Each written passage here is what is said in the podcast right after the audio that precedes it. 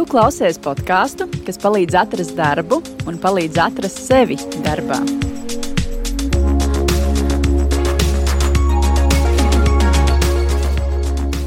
Mēs esam atpakaļ. Podkāsts ir atpakaļ pēc ilgākas pauzes ar jauniem projektiem, jauniem darbiem un citīgi strādājam. Būs jaunumi tādi, ka mums būs vairāk jauni kolēģi. Es tā ceru, bet viena kolēģi jau ir atrasta, un tā ir Lelde, kas man sēž tagad pretī podkāstu studijā. Un viņa nu jau ir darbos ar jaunu projektu. Droši vien viņa pati pastāstīs, kas tas par projektu, bet sākumā Lelde vārds tev iepazīstina lūdzu ar sevi. Sveika, Vineta! Prieks man šeit būt un būt daļai no, ja var tā teikt, jaunā autora kolektīva.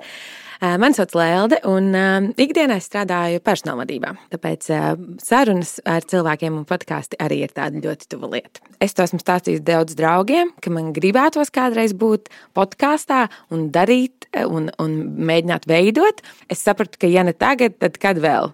Un metu savu kautrību pie malas un rakstīju. Super, man prieks, ka tu esi komandā.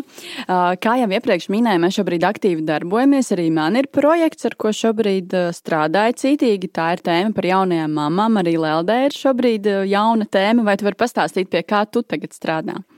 Jā, mēs strādājam pie tāda epizodu cikla, ja tā var nosaukt tāds miniseriāls par jauniešu vasaras darbu. Un jauniešu vasaras darbs tāpēc, ka Mums Latvijā ir diezgan daudz jauniešu, 110 tūkstoši vecumā no 15 līdz 20 gadiem. Un Latvijā ir ļoti, ļoti garš vasaras brīvlaiks jauniešiem. Līdz ar to tiem jauniešiem ir kaut kas jādara un kaut kur jābūt. Un tad no tāda mammu un vecāku perspektīvas mēs runāsim par to, ko tad eh, tiem jauniešiem darīt, cik viegli vai grūti ir atrast, un, un dažādas, dažādas jautājumas par jauniešu vasaras darbu, bet no tāda vecāku perspektīvas, vai brāļu, mā, vecāko brāļu māsu, tantes, onkuļu un, un, un tādas perspektīvas vairāk. Mm, interesanti. Un būs arī kādi jaunieši, ko, ar ko jūs sarunāsieties, vai tikai mammas un tēti? Lielākoties tie būs vecāku pieredzi stāsti par bērniem. Māmas ir tāda visiein, mammas un tēti ir tāda visieinteresētākā puse šajā visā, un, un arī savā ziņā tāda visatbildīgākā par to, vai tad, vai tad viņa jaunieci vasarā strādā vai nestrādā, un kā viņam tur iet. Un, un, un viņi arī visvairāk noteikti pārdzīvo par to, kā tam jaunietim iet tajā vasaras darbā. Lielda, tad dodu tev mikrofonu un pastāsti, par ko tad būs pirmā epizode. Mēs esam nointervējuši vairākus vecākus par to, kā īsti ir atrast un, un kur meklēt. Un mēs esam sakrājuši vairākus viedokļus un, un padomus un arī dažādus skaitļus, kas mums ir pieejami. Un, jā, es gribēju tev jautāt, vai tu esi kādreiz vasarā strādājusi? Jā, esmu strādājis vasarā. Mans pirmais darbs un pirmais vasaras darbs bija zemeņu lasīšana. Blakus mājām, kur es dzīvoju, bērnībā bija, un arī ir zemeņu saimniecība blomi. Nu, lūk, tur, tur bija diezgan lieli šie zemeņu lauki. Šobrīd nu, jau ir siltumnīcas un atceros, jā, kad vasarā bija ļoti agri jāceļās 6, 5, es pat neatceros. Un tad, jā, kaut kādas pāris stundas, bija jālasa tās zemes. Nu, plus bija tāds, ka varēja ēst, cik gribi, bet nu, mīnus bija tāds, ka bija pirmkārt ļoti netīri pirksti, rokas, viss ķermenis bija ar tiem putekļiem, jo nu, zeme bija tāda mālaina, putekļaina, un, un, un, un, un, protams, arī mugura sāpēja.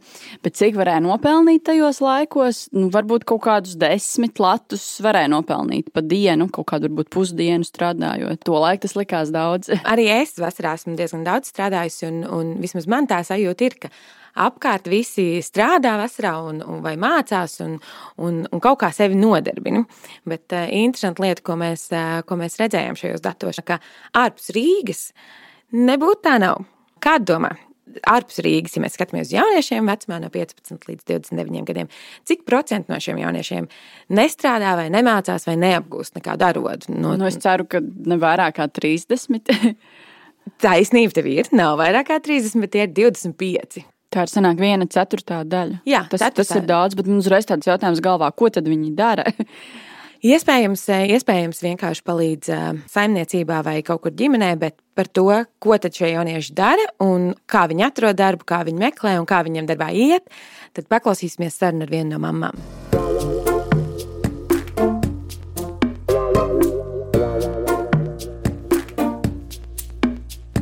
Man sauc Inga, esmu trīs bērnu mamma.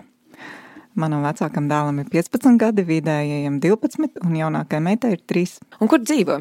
Ja drīkst jautāt, pierīgā. Tu pie mums atnāks, jo tev ir stāsts, ko pastāstīt. Jā, man ir stāsts par manu vecākā dēla pieredzi vasaras darbā, skolām brīvlaika laikā. Um, stāsts ir tāds, ka pagājušajā gadā mans dēls atnāca mājās, jūlijā kaut kur, un teica, klau, mamu, augustā lūdzu ar mani neko neieplāno, jo es strādāšu. Nu, tad es biju ļoti pārsteigta, bet arī mazliet priecīga. Un, nu, tā sākās viņa darba gaitas. Viņš pats atrada šo darbu. Jā, bija tā, ka es ļoti vēlējos, lai viņš strādā. Es viņu tā kā mudināju, es domāju, varbūt tu vēlētos pastrādāt, bet viņš tā kā liela interesi neizrādīja. Bet kaut kā nu, es nezinu, kaut kādā ziņā viņš pats pie tā nonāca, un es saprotu, ka viņam ieteica draugs, jo viņš tur strādāja jūlijā mēnesī. Tad tas draugs viņu tā kā iekārtoja darbā, mm -hmm. nu, bez mammas ziņas. un tā vienā dienā viņš teica, jā, es tagad sākšu no 1. augusta sākšu strādāt. Mm -hmm. Kas bija tas darbs, ko viņš darīja? Viņš strādāja kā brīvdabas kafejnīcā, tur bija jānokop galdiņi. Nu, tā kā viņi jāuzliek darba sākumā, jānoņem darba beigās. Un brīvdienās vai kaut kādas dažas dienas nedēļā bija jāapkalpo pie galdiņiem. Tā kā jānoņem tukšie trauki un nu, kaut kas tāds. Nu, ne, ne kā gluži viesmīlis, bet drīzāk kā trauku novācējs vai kaut kā tā. Un tad viņš, eh, cik es saprotu, nostrādāja visu to mēnesi. Un... Eh, nu, viņam bija jāstrādā līdz 1. septembrim, viņš nostrādāja līdz 1. septembrim. Vai viņam bija svarīgi, kas ir tas, ko viņš darīs vasarā? Grūti pateikt, jo viņš pats atrada to darbu ar draugu palīdzību. Es domāju, iespējams, draugs viņu kaut kādā veidā mudināja vai draugu pieredze. Es, es domāju, ka tas viņu mudināja vairāk es mudināju viņu tādā veidā, ka es jautāju, varbūt tu gribētu pastrādāt vasarā, ja tu vēlies to un to lietu, tad tu vari nopelnīt sev pats. Nu, nebūs tik ilgi jākrāj.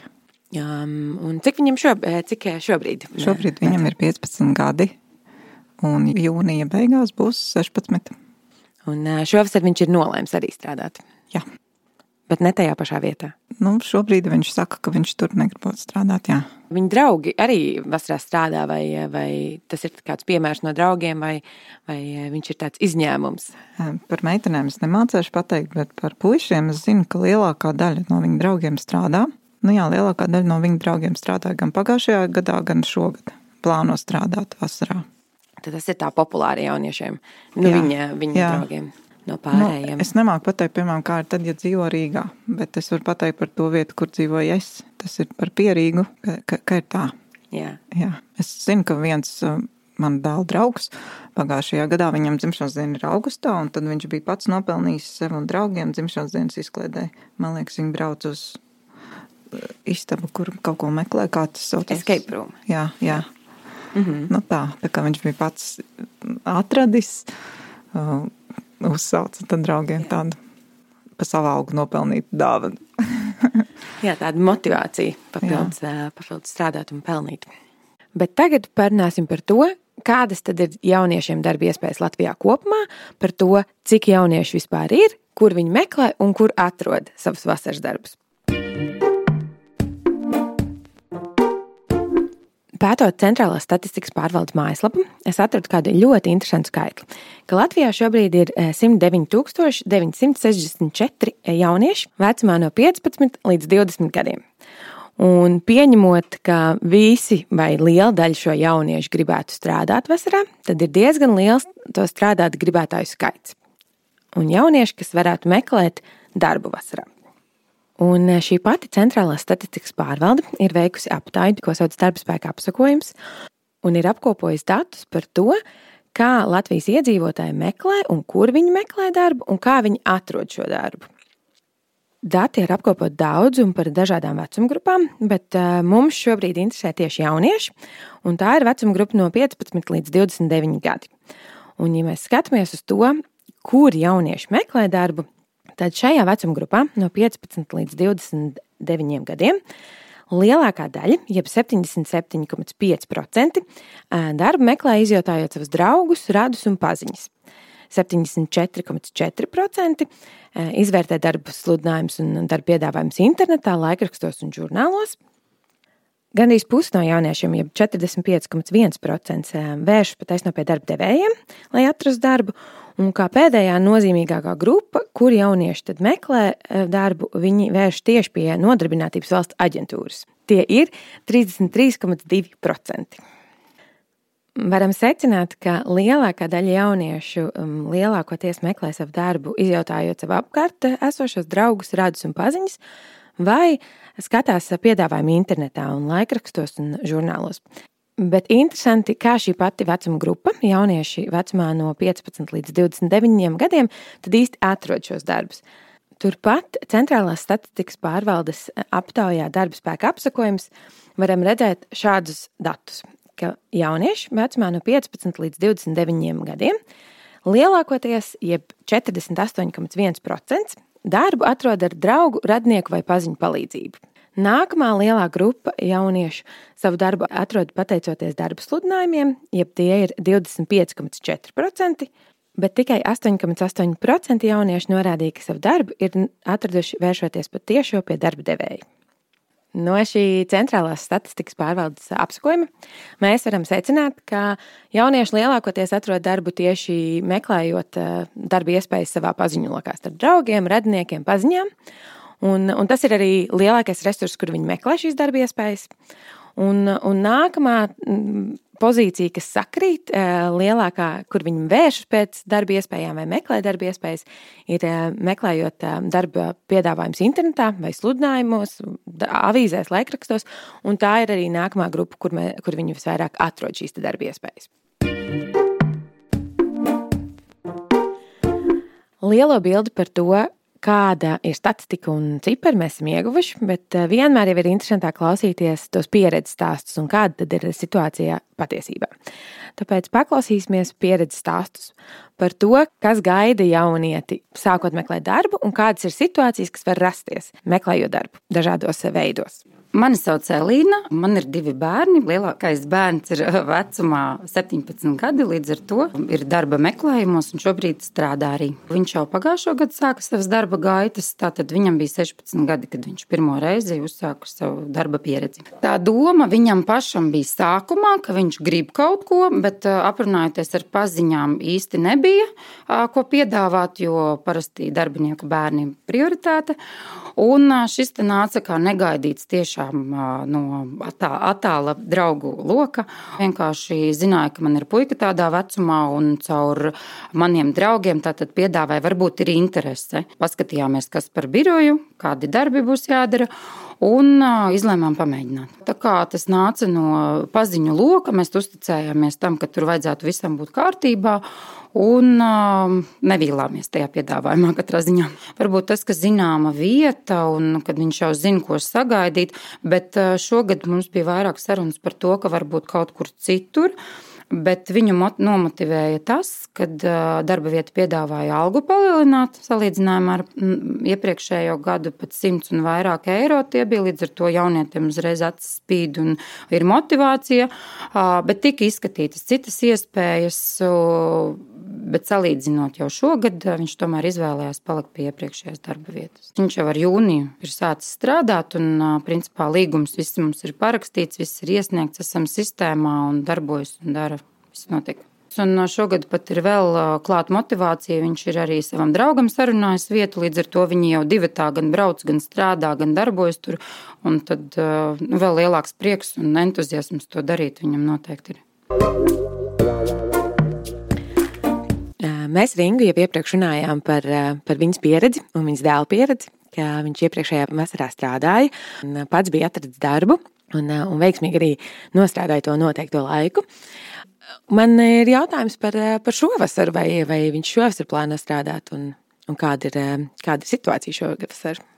Šogad viņš bija ieplānojis ar draugu strādāt apzaļumošanā, komunālā servisā nu, kas ir mūsu vietējās pašvaldības komunāls servis, kas uh, nodarbojas ar apzaļumošanu un līdzīgām lietām. Bet uh, es saprotu, ka tā kā viņam nav vēl 18, tad uh, kaut, kaut kas jādara arī mammai. Un es zvanīju uz komunālu servisu, un tad viņi man tā kā liek iet uz pašvaldības izglītības nodaļu, pašvaldības izglītības nodaļu uz NVA. Un NVA atkal man sūtīja uz izglītības nodaļu. Nu, kaut kā sanāk tā, ka es vēl īsti nesaprotu, kur man tad gal galā ir jāvēršas, lai lai, lai es varētu viņu pieteikt tam darbam. Un kas ir tas iemesls, kāpēc tevi sūta no vienas vietas uz otru? Nu, man, manuprāt, viņi paši īsti nezina, kas, ka, nu, kas ir jādara. Vai arī tur ir kaut kāda saistība ar vecumu. Un, un, un tad viņi domā, varbūt tas ir jums tur, varbūt tas ir tur. Ah, nē, jums tomēr jāiet tur uz to izglītības nodaļu atpakaļ. Nu, kaut kā tā. -huh. Vai šis ir darbs, ko, kas tika piedāvāts kā vasaras darbs? Vai... Nu, es redzēju sludinājumu, un, bet viņi bija ar draugu jau iepriekš par to runājuši, tas draugs bija strādājis pagājušajā vasarā. Tur jāstrādā tikai no rīta līdz 12. Tas nozīmē, ka mans dēls izgudroja, o, man būs vesela brīva diena no 12. Un tas viņam varētu derēt ka viņam nav problēma piecelties agri un aiziet pastrādāt no rīta. Nu, tā bija viņa motivācija, ka viņam būs palikusi praktiski visa diena brīva. Bet nu, kaut ko viņš arī varēs nopelnīt. Nu, tā. Bet tad, mm. tad tāda iepriekšējā pieredze uzņēmumam ir ar jauniešiem. Jā, tur, tur ir, katru gadu esmu redzējis, ka tur strādā, bet šogad es īsti nesaprotu, kas man ir jādara, lai viņš varētu uzsākt tās savas darba gaitas. Varbūt pašiem tiem pušiem kaut kur jāiet, bet viņi arī nezina, kur iet. Viņi tikai zina, ka kaut kur internetā redzēja, ka tur var iet strādāt. Jā. Jā. Un uzņēmumā, nu, tur apzaļināšanā neviens arī nevar pateikt, kur viņiem ir. Nu, viņi man lūdza iet uz pašvaldības izglītības nodaļu, bet pašvaldības izglītības nodaļu uz NPA, un tad otrādi atpakaļ. Viņi man sūtīja tur, jā, kaut kā tā. Un tad šo darbu viņš vēl nav uzsācis, un tur nekas nu, nē, es neesmu nokārtojis, jo es īsti nesaprotu, tad, kur man galu galā ir jāiet. Jo es visiem piezvanīju. Jā. Tiešām es visiem piezvanīju. Un es teicu, labdien! Man ir tik un tik gadus vecs dēls. Viņš grib strādāt vasarā, tur un tur, apzaļumošanā. Es redzēju, ka ir piedāvājums, un kas man jādara? Tas arī bija mans jautājums. Nu, jā, nu es gribu zināt, kas jā. man jādara. Nu, kā mammai, vai nekas, lai dēls pats dara. Tad viņi teica, lai sazinās tālāk. Jā, nu tad viņi man tur kā nu viens pie otra sūta, jo ka par kaut ko atbild izglītības un zinātnes nodaļa pašvaldībā un par kaut ko NVO. Un tur ir tā problēma, ka viņi īsti nesaprot, pie kā tad man jāvēršas. Vai tu mēģināji atrast informāciju par šo? Nu, tā ļoti aktīvi es neesmu meklējusi. Nu, vienīgi tas, ka es viņiem zvanīju tās pāris dienas, kad es veicu šos zvanus.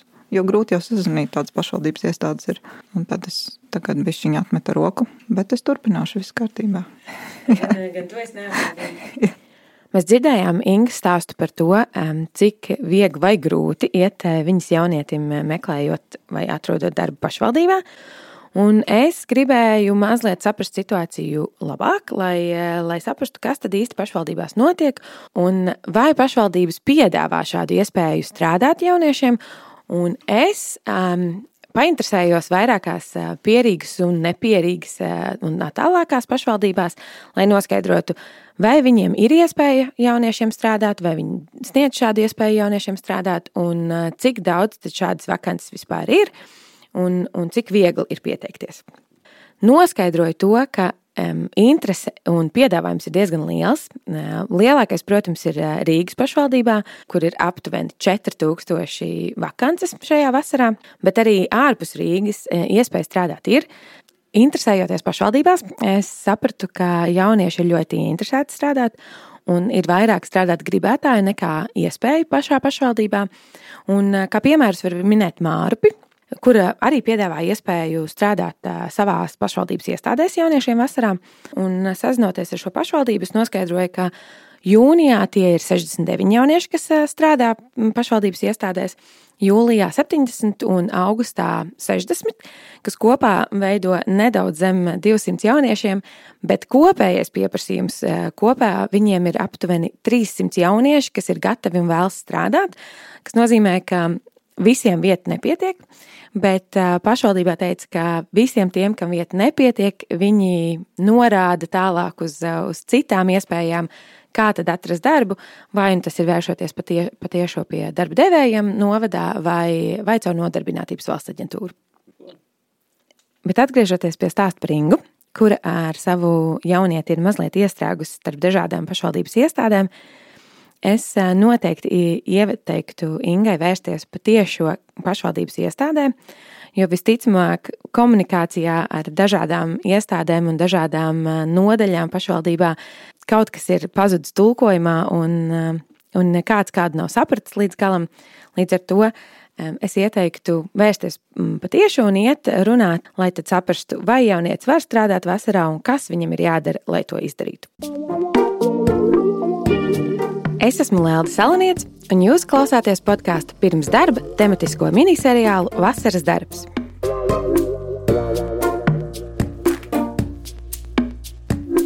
Nākamais populārais eh, veids, kā jaunieši meklē savu darbu, ir caur nodarbinātības valsts aģentūru. Un es nolēmu paskatīties, eh, cik viegli vai grūti tas ir. Un eh, ieejot Nodarbinātības valsts aģentūras mājaslapā, tur ir speciāla sadaļa jauniešu vasaras darbs un tur ir iespēja pieteikties. Un atverot šo anketu, nekas sarežģīts tur nav, un nekas pārāk daudz tur nav jānorāda. Um, kontaktinformācija un skola, kurā mācās, jo Caur nodarbinātības un valsts aģentūru var pieteikties strādāt jaunieši, kas mācās šobrīd. Un šajā anketā nav arī jānorāda vieta, kur tu vēlies strādāt, vai vakance, kurai tu, kurai tu vēlies pieteikties. Šajā, ar šo anketu tu vienkārši piesakies, ka tu vēlies strādāt. Un pēc šīs anketas aizpildīšanas tālāk NVA visticamāk sazinās ar pašu jaunieti un uzaicina viņu ierasties NVA filiālē, jo ir pāris dokumenti, kas ir jāpaņem līdzi. Un tad jau tālāk piedāvā iespējas, kādas ir mm, šajā novadā vai reģionā, un tad jau vienojās par to, kas būs tas darbs, ko viņš vasarā darīs un cik ilgi. Paklausīsimies 17-gadīgā puiša Markus mammas Elīnas pieredzi par darbu meklēšanu caur NVA. Jā, šis uzņēmums piedāvā tieši jauniešiem. Es varu arī domāt, ka tā, tas nav noslēpums, tas ir A birojas. Viņi sadarbojas gan ar NVA tas nāca arī no darba devēja. Mēs to visu nezinājām, tas mums bija jauns. Un, uh, viņi mums solīt pa solītam izstāstīja, kas mums ir jādara. Mums bija jāreģistrējas NVA, ka mēs meklējam darbu, un tur ir tāda opcija, ka tu uzreiz norādi darba vietu. Ja tu zini, kurā tu strādāsi, norādīt šo darba vietu. Norādījām, tālāk mums vajadzēja braukt, izņemt izziņu šo NVA, un tālāk iesniegt darba devējiem šo izziņu, plus vēl atļauju no ārsta, ka viņš drīkst strādāt. Darba devējs mums pa punktiem bija sastādījis, kas mums ir tieši jāizdara. Un, tas bija principā dienas, dienas laikā izdarāms ļoti elementāri. Un, un vēl piebildīšu to, ka arī darba vieta mums ieteica iesniegt nodokļu grāmatiņu, lai pēc tam arī visi nodokļi un viss pārējais viņam būtu. Šajā pašā NVA mājaslapā var redzēt, ka pieteikšanās ir aktīva vēl līdz 15. augustam. Tā kā visu vasaru vēl ir iespēja iet un strādāt. Un tur es arī izlasīju, ka kopumā Nodarbinātības valsts aģentūra piedāvā aptuveni 11,000 vakances. Un lielākoties tās, protams, ir Rīgā, bet arī citos novados un citās pašvaldībās. Un, um, Nodarbinātības valsts aģentūras mājaslapā ir arī pieejama informācija par to, kādas vakances ir pieejamas novados un pašvaldībās, un cik no viņām jau ir aizpildītas. Līdz ar to ir iespēja apskatīties, kas ir tie darbi, kam uzņēmumi ir pieteikušies, un kas vēl ir pieejams. Apkopojot šo informāciju, mans ieteikums būtu izmantot šīs iespējas, gan vērsties pašvaldībā, painteresēties par tur pieejamām vakancēm, un, ja gadījumā tur viss jau ir pilns, vai darba iespējas nav, vai arī jums nemāk atbildēt uz to, kādi dokumenti vai papīri ir nepieciešami, lai jaunietis sāktu strādāt, tad noteikti ir vērts vērsties arī Nodarbinātības valsts aģentūrā un painteresēties tur un pieteikties, jo tas, ka jūs esat pieteicies darbam caur Nodarbinātības valsts aģentūru, noteikti nenozīmē, ka jūs nevarat meklēt darbu arī citos veidos un iet patiešām pie darba devējiem vai lasīt citus sludinājumus internetā un, un meklēt darbu vēl citos veidos. Atgādināšu, ka iepriekš mēs dzirdējām dažādus datus no Centrālās statistikas pārvaldes apsakojuma, un tur kā lielākā daļa um, respondentu atzina, um, viņi savu darbu ir atraduši um, ar draugu, radnieku vai paziņu palīdzību. Ja mēs runājam tieši par jauniešiem vecumā no 15 līdz 29 gadiem un tie kopumā bija 48,1%. Un tā ir gandrīz puse no visiem jauniešiem, kas strādā šajā vecumā. Un tagad paklausīsimies pieredzi stāstu par to, kā ir atrast darbu caur draugiem, radiem vai paziņām. Jā, mani sauc Patriks. Sveiki. Cik tev ir gadi? Man šobrīd ir 18 gadi. Un vai tu vasarā esi kādreiz strādājis? Mm, pagājušā vasarā sanāca pirmo reizi. -hmm. Varbūt tu vari pastāstīt, kas bija tas, ko darīji? Pagājušā vasarā sanāca strādāt pizzērijā Mārupas Pizza, kur es biju tā kā viesmīlis, kas iznēsā pasūtījumus un kaut kā tā. Un kā tu atradi šo darbu?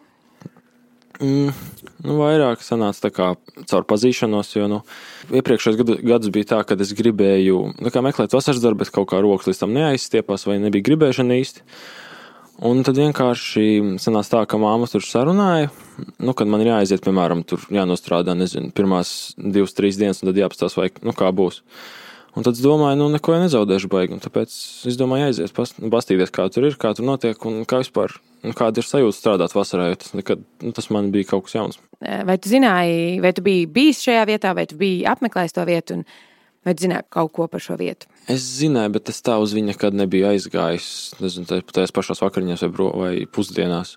Bet es zināju, ka tāda vieta pastāv, un viss teica, ka ir bijušas labas atsauksmes, kam es varu piekrist pēc vasaras darba tā bija tāda tavā draugu lokā vai paziņu lokā, tāda nu, populāra vai laba, atzīta kā laba vieta? Jā, viņa bija diezgan labi atzīta vieta, ar, nu, kad nebija, nebija, nebija tāds, kas, piemēram, pasaka, ko viņš tā vieta galīgi, nē, viņa tāda, nu, nu nē. Bet nu, visi bija diezgan labās, kā, labas atsauksmes teica par viņu. Teica, ka nu, es, nu, man noteikti būs jāiet, jāpamēģina pastrādāt pie viņiem, jo, nu, nu kāpēc ne?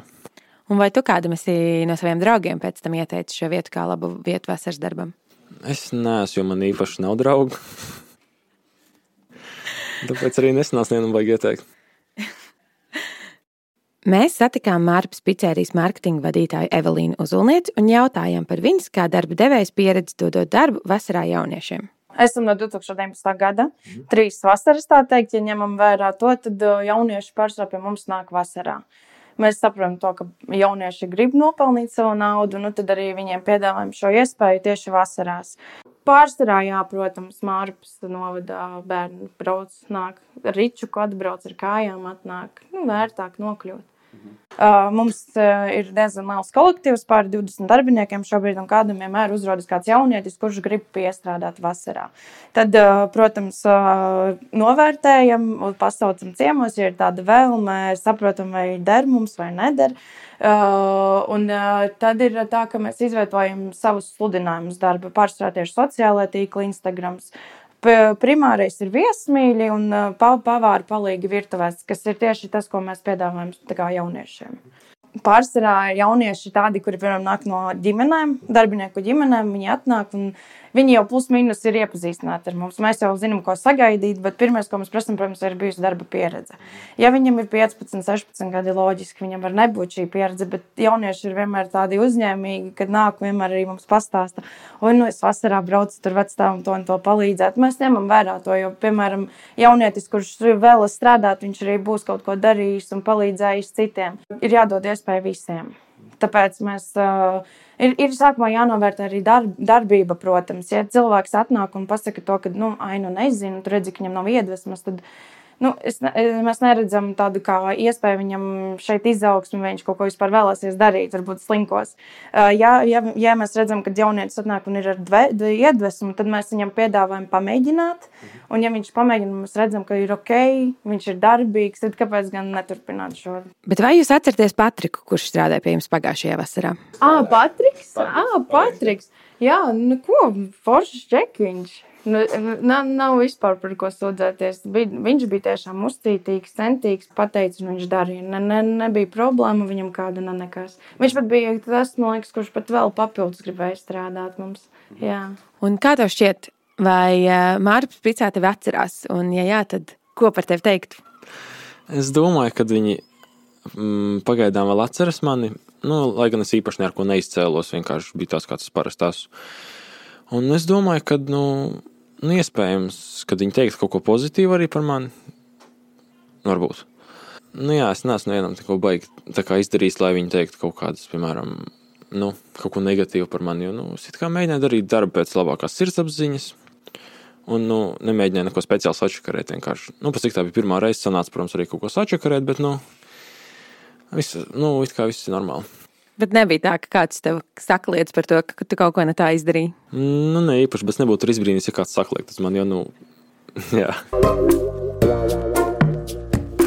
Man, kā jau mazliet pieredzējušam cilvēkam, darba tirgu, um, kurš ir meklējis darbu vairākas reizes un, un ir atradzis darbu vairākas reizes, um, diezgan loģisks liekas uh, ceļš, kurā es darbu meklēju dažādos sludinājumu portālos. Un eju skatīties, kādi darba piedāvājumi un kādi sludinājumi ir pieejami tur. Un, un arī jaunieši izvēlas šādu iespēju diezgan daudz, un arī viņi skatās, kas notiek eh, sludinājuma portālos un kādas iespējas ir tur. Bet jāsaka, ka tā situācija tur nav tik rožaina. Jo arī es iegāju paskatīties um, un meklēju pēc atslēgas vārdiem vasaras darbs. Nu, nav tā, ka var ļoti daudz atrast. Neteiktu, ka simtiem vai, vai tūkstošiem vakants, bet drīzāk desmit vakanču. Līdz ar to tās vakances nav tik daudz un dažādas tur. Ja mēs runājam konkrētāk par vietām, kur meklēt, tad uh, mans ieteikums būtu um, varbūt nesākt jauniešiem ar, ar portālu SSLV, jo tur var um, ļoti viegli apmaldīties piedāvājumā un, un atsevišķu sadaļu vasaras darbs tur nav atrodams, un arī no piedāvājuma ir, ir jāmāk saprast, kas ir atbilstoši un kas nav. Līdz ar to šī mājaslapa varbūt nebūtu galvenais meklēšanas avots, ko es ieteiktu. Bet tādos, um, tādos tipiskajos, um, tur gan, um, gan, uh, gan CVLV, gan CV Market iespēja skatīties ir. Piedāvājums nav pārāk liels, jo abās šajās mājaslapās piedāvājums ir pāris desmit sludinājumu, no kuriem lielākoties ir, ir sludinājumi no Maksimas vai Lidla, kas piedāvā vasaras darbu, un viņi arī piedāvā vasaras darbu caur Nodarbinātības valsts aģentūru. Un tad vēl pāris individuāli sludinājumi no mazākiem uzņēmumiem. Protams, jaunietis var skatīties arī sludinājumus, kuros nav norādīts, ka tas ir vasaras darbs, un, un skatīties tos un, un meklēt sev interesantos un pieteikties tiem. Taču ir jārēķinās ar to, ka šajā gadījumā darba devējs visticamāk sagaidīs to, ka jaunietis strādās arī ilgāk nekā tikai vasarā, Un var gadīties, ka šādos sludinājumos piesakoties šādās vakancēs, jaunietim netiek atbildēts, jo uzņēmējs redz, ka jaunietis ir vēl skolas vecumā, un, un viņš nevēlas uzņemties um, šādas saistības un uzskata, ka jaunietis varbūt nebūs ilgtermiņā. Par pieredzi meklējot darbu caur darba sludinājumiem, parunājām ar vēl vienu jaunieti. Mani sauc Grēta, man ir 17 gadi, un es pagaidām eju vidusskolā Es esmu izvēlējusies strādāt vasarā, lai dabūtu darba pieredzi. Man darbs sāks no nākamās nedēļas, un es strādāšu McDonald's. Um, tas bija tikai mans lēmums, bet man vecāki arī to atbalsta, kā arī man gan radi, gan māsas mēģināja palīdzēt atrast darbu, jo jauniešiem tas uh, var būt diezgan grūtāk. Es meklēju jebkādu vakanci, jo es biju gatava darīt jebko. Es no sākuma skatījos uh, jauniešu nodarbinātībā, NVA, kad uh, tu piesakies, un tad tev atsūta, ja tev tiek kaut kas piedāvāts, bet uh, es pieteicos NVA pāris stundas pēc uh, tās atklāšanas it kā, un uh, es dabūju savu numuriņu kā 900. Tāpēc uh, es ar saviem radiem sāku vienkārši skatīties, piemēram, internetā. Ir vairākas mājaslapas, kā visi darbi LV, kur var meklēt šīs vakances. Tikai vienīgā problēma ir tas, ka tur gandrīz vai visas vakances ir 18. Plus. Tad es sāku tur skatīties, un tur bija visvairāk tādas vakances tieši studentiem. Un, uh, es vēl pieteicos ļoti daudzām vakancēm, bet uh, tur, piemēram, viņi atsūta atpakaļ ēpastu, bet viņi nepiezvana, piemēram, uh, lai, uh, lai, lai, lai piedāvātu tev interviju vai kaut ko tādu, lai viņi ir tā kā te uzrakstījuši, ka viņi saņēma. Jā, tā kā. Tā kā es biju pieteikusies vēl pāris vakancēm, bet uh, es aizgāju darba pārunām, un tad es vienkārši sapratu to, ka man uh, vislabāk būtu strādāt McDonald's, jo tur ir sakarīgas algas un tur arī darbs ir die, diezgan sakarīgs arī. Tagad izdarīsim īsu kopsavilkumu par miniseriālu pirmās epizodes tēmu, kur jaunietis var meklēt darbu vasarā. Un īsumā jāsaka, ka pirmā izvēle un ieteikums ir ņemt palīdzīgā vecākus, lai viņi padod ziņu savu kolēģu un paziņu aprindās, Ļoti iespējams, kāds izvēlēsies jaunieti no ģimenes, par kuriem jau ir kaut kas zināms. Tāpat jaunietis var doties pats uz apkārtnes uzņēmumiem un personīgi pieteikties darba devējiem, bet tur gan māmu līdzi ņemt nevajadzētu. Arī pašvaldības un NVA piedāvā darba iespējas vasarā, bet tur jārēķinās ar dažādām birokrātiskām niansēm, un tās tomēr risināt labāk ar vecāku palīdzību. Visbeidzot, iespējams atrast darbu arī sūtot savu CV uz darba sludinājumu, bet tādu iespēju nav daudz, un, ja tas ir jauniešu pirmais darbs, tad visdrīzāk arī šeit neiztiks bez atbalsta un padomu no vecākiem. Nākamajā epizodē mēs runāsim arī par to, kāda likuma regulēja nepilngadīgi jauniešu strādāšanu vasarā, un no kā mamām jāuzmanās atbalstot vai uzmanot savus strādājošos mīluļus. Bet šīs epizodes beigās lūdzam jūsu uzmanību vēl vienai svarīgai tēmai. Runāsim ar mūsu podkāstu informatīvo atbalstītāju. Mūsu podkāsts nevarētu tapt, ja mums nebūtu pieejama uzticama un aktuāla informācija par jauniešu situāciju darba tirgu. Informācijas, kur mēs balstījāmies, veidojot podkāstu, ir ņemta no Centrālās statistikas pārvaldes aptaujas darba spēka apsakojums. Tūlīt jūs dzirdēsiet, kāpēc dati no šī apsakojuma var būt noderīgi arī jums. Es esmu Zaiga Priede, Centrālās statistikas pārvaldes, sociālās statistikas departamenta vecākā metodikas eksperte. Darba spēkā apsakojumā mums ir diezgan gara vēsture. Mēs viņu sākām 1995. gadā, Novembrī sākumā apsakojums bija divas reizes gadā, bet no 2002. gada apsakojums mums ir nepārtraukts. Tātad mēs katru nedēļu ejam aptaujāt respondentus un uh, reizi ceturksnī publicējam rezultātus. Respondenti mums ir vecumā no 15 uh, līdz 89 gadiem. Un mēs uzdodam jautājumus šajā aptaujā par iedzīvotāju ekonomisko aktivitāti, tātad viņa nodarbinātību, kāda profesija, kāda nozara, kāds ir darba laiks, cik darbos viņi strādā, cik stundas viņi nostrādā, kā arī par tiem, kam šobrīd darba nav, vai viņi darbu meklē, kādā veidā viņi meklē, vai viņi ir gatavi darbu uzsākt, kādas ir tās darba meklēšanas metodes. Kādā veidā tiek vākti iedzīvotāju dati? Mēs esam jau no 2018. gada ieviesuši uh, internetā aptaujas, kad cilvēks pats var aizpildīt anketu. Tad ir telefona aptaujas, ja mums ir zināms respondenta telefons, viņam tiek zvanīts. Un trešā aptaujas metode ir tiešās intervijas. Gada laikā mēs aptaujājam vairāk kā 30 tūkstošus. Bet šeit jāņem vērā, ka mēs aptaujājam vairākas reizes. Ir četras reizes ir aptauja, lai varētu novērtēt izmaiņas laikā, kādas ir pēc, pēc trīs mēnešiem un tad pēc gada atkal. Mums podkāstā apsakojumā sniegtā informācija ļoti noderēja. Bet kur vēl šie dati tiek izmantoti? Rezultātus izmanto, protams, mēs publicējam, tad jebkurš to var izmantot.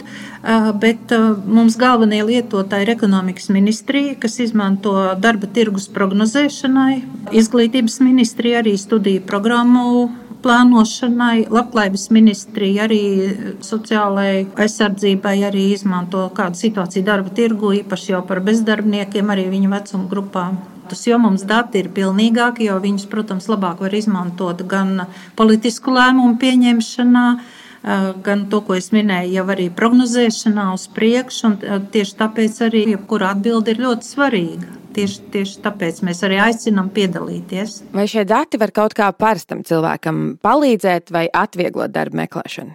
Ja cilvēkam ir kaut kāda interese varbūt par viņu teiksim, viņš meklē darbu, viņš var paskatīties, kādas ir darba meklēšanas metodes, cik ilgi cilvēki meklē darbu. Jā, varbūt nu, kaut kādā veidā sagatavoties šim procesam, novērtēt savu situāciju un, teiksim, ja viņam ir doma kaut ko mainīt savā dzīvē, viņš var paskatīties, kādas ir iespējas. Nu, teiksim, ja viņš meklē par nodarbinātību arī, ja cilvēks strādā kaut kādā konkrētā nozarē, viņš var salīdzināt ar to, kāds, kāds ir darba laiks, kādas ir darba stundas.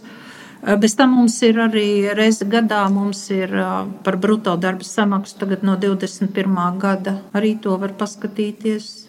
Ja cilvēks saņem uzaicinājumu piedalīties aptaujā, vai nav nekāda riska, vai drīkst sniegt ziņas par saviem darba apstākļiem, vai nevar sanākt kaut kādas nepatikšanas? Nevajag uztraukties, tāpēc ka mēs neizmantojam eh, nu, katra cilvēka informāciju tikai apkopotā veidā. Tā ir tāpēc nevajag uztraukties par to, kad viņa godīgās atbildes var būt kaut kur izmantotas. Tas ir tikai kopsavilkumiem un vispārējās situācijas raksturošanai. Ja cilvēkam ir vēlēšanās piedalīties šajā aptaujā, vai viņam ir tāda iespēja? Jā, es aicinātu vairāk izmantot iespēju aizpildīt pašiem uh, internetā aptauju. Tas būtu tas, uz ko vairāk gribētos mudināt. Jo cilvēki vairāk atbild, jo ir patiesāka informācija par situāciju, un attiecīgi arī tas rezultāts nonāk pie cilvēka tādā veidā. Arī mēs, podkāstu autori, aicinām klausītājus ieiet Centrālās statistikas pārvaldes mājaslapā. Linku atradīsiet šīs epizodes aprakstā. Aicinām gan mammas, kuras klausās šo podkāstu, gan jauniešus iepazīties ar darba spēku apsakojumu datiem un aicinām visus būt patriotiem, atbalstīt valsti un nepažēlot desmit minūtes anketas aizpildīšanai. Jo vairāk mēs dalīsimies ar savām domām un informāciju, jo vairāk kā sabiedrība zināsim par to, kur esam, kā strādāsim, mācīsimies un dzīvosim turpmāk. Jo vairāk zināsim, jo drošāk varēsim mainīt savu dzīvi un valsts dzīvi uz labu. Jūs dzirdējāt podkāstu pirms darba tematisko miniseriālu Vasaras darbs. Epizodes autori Lēlda Salmniece, podkāstu producents Juris Garjāns, muzikālā tēma Mikēla Landena, ierakstīts studijā Ambona. Tu noklausījies podkāstu pirms darba. Lai nepalaistu garām nākamās epizodes, seko podkāstu sociālajiem tīkliem. Atbalsti podkāstu, raksti komentārus un atsauksmes, ierosini tēmas un dalībniekus.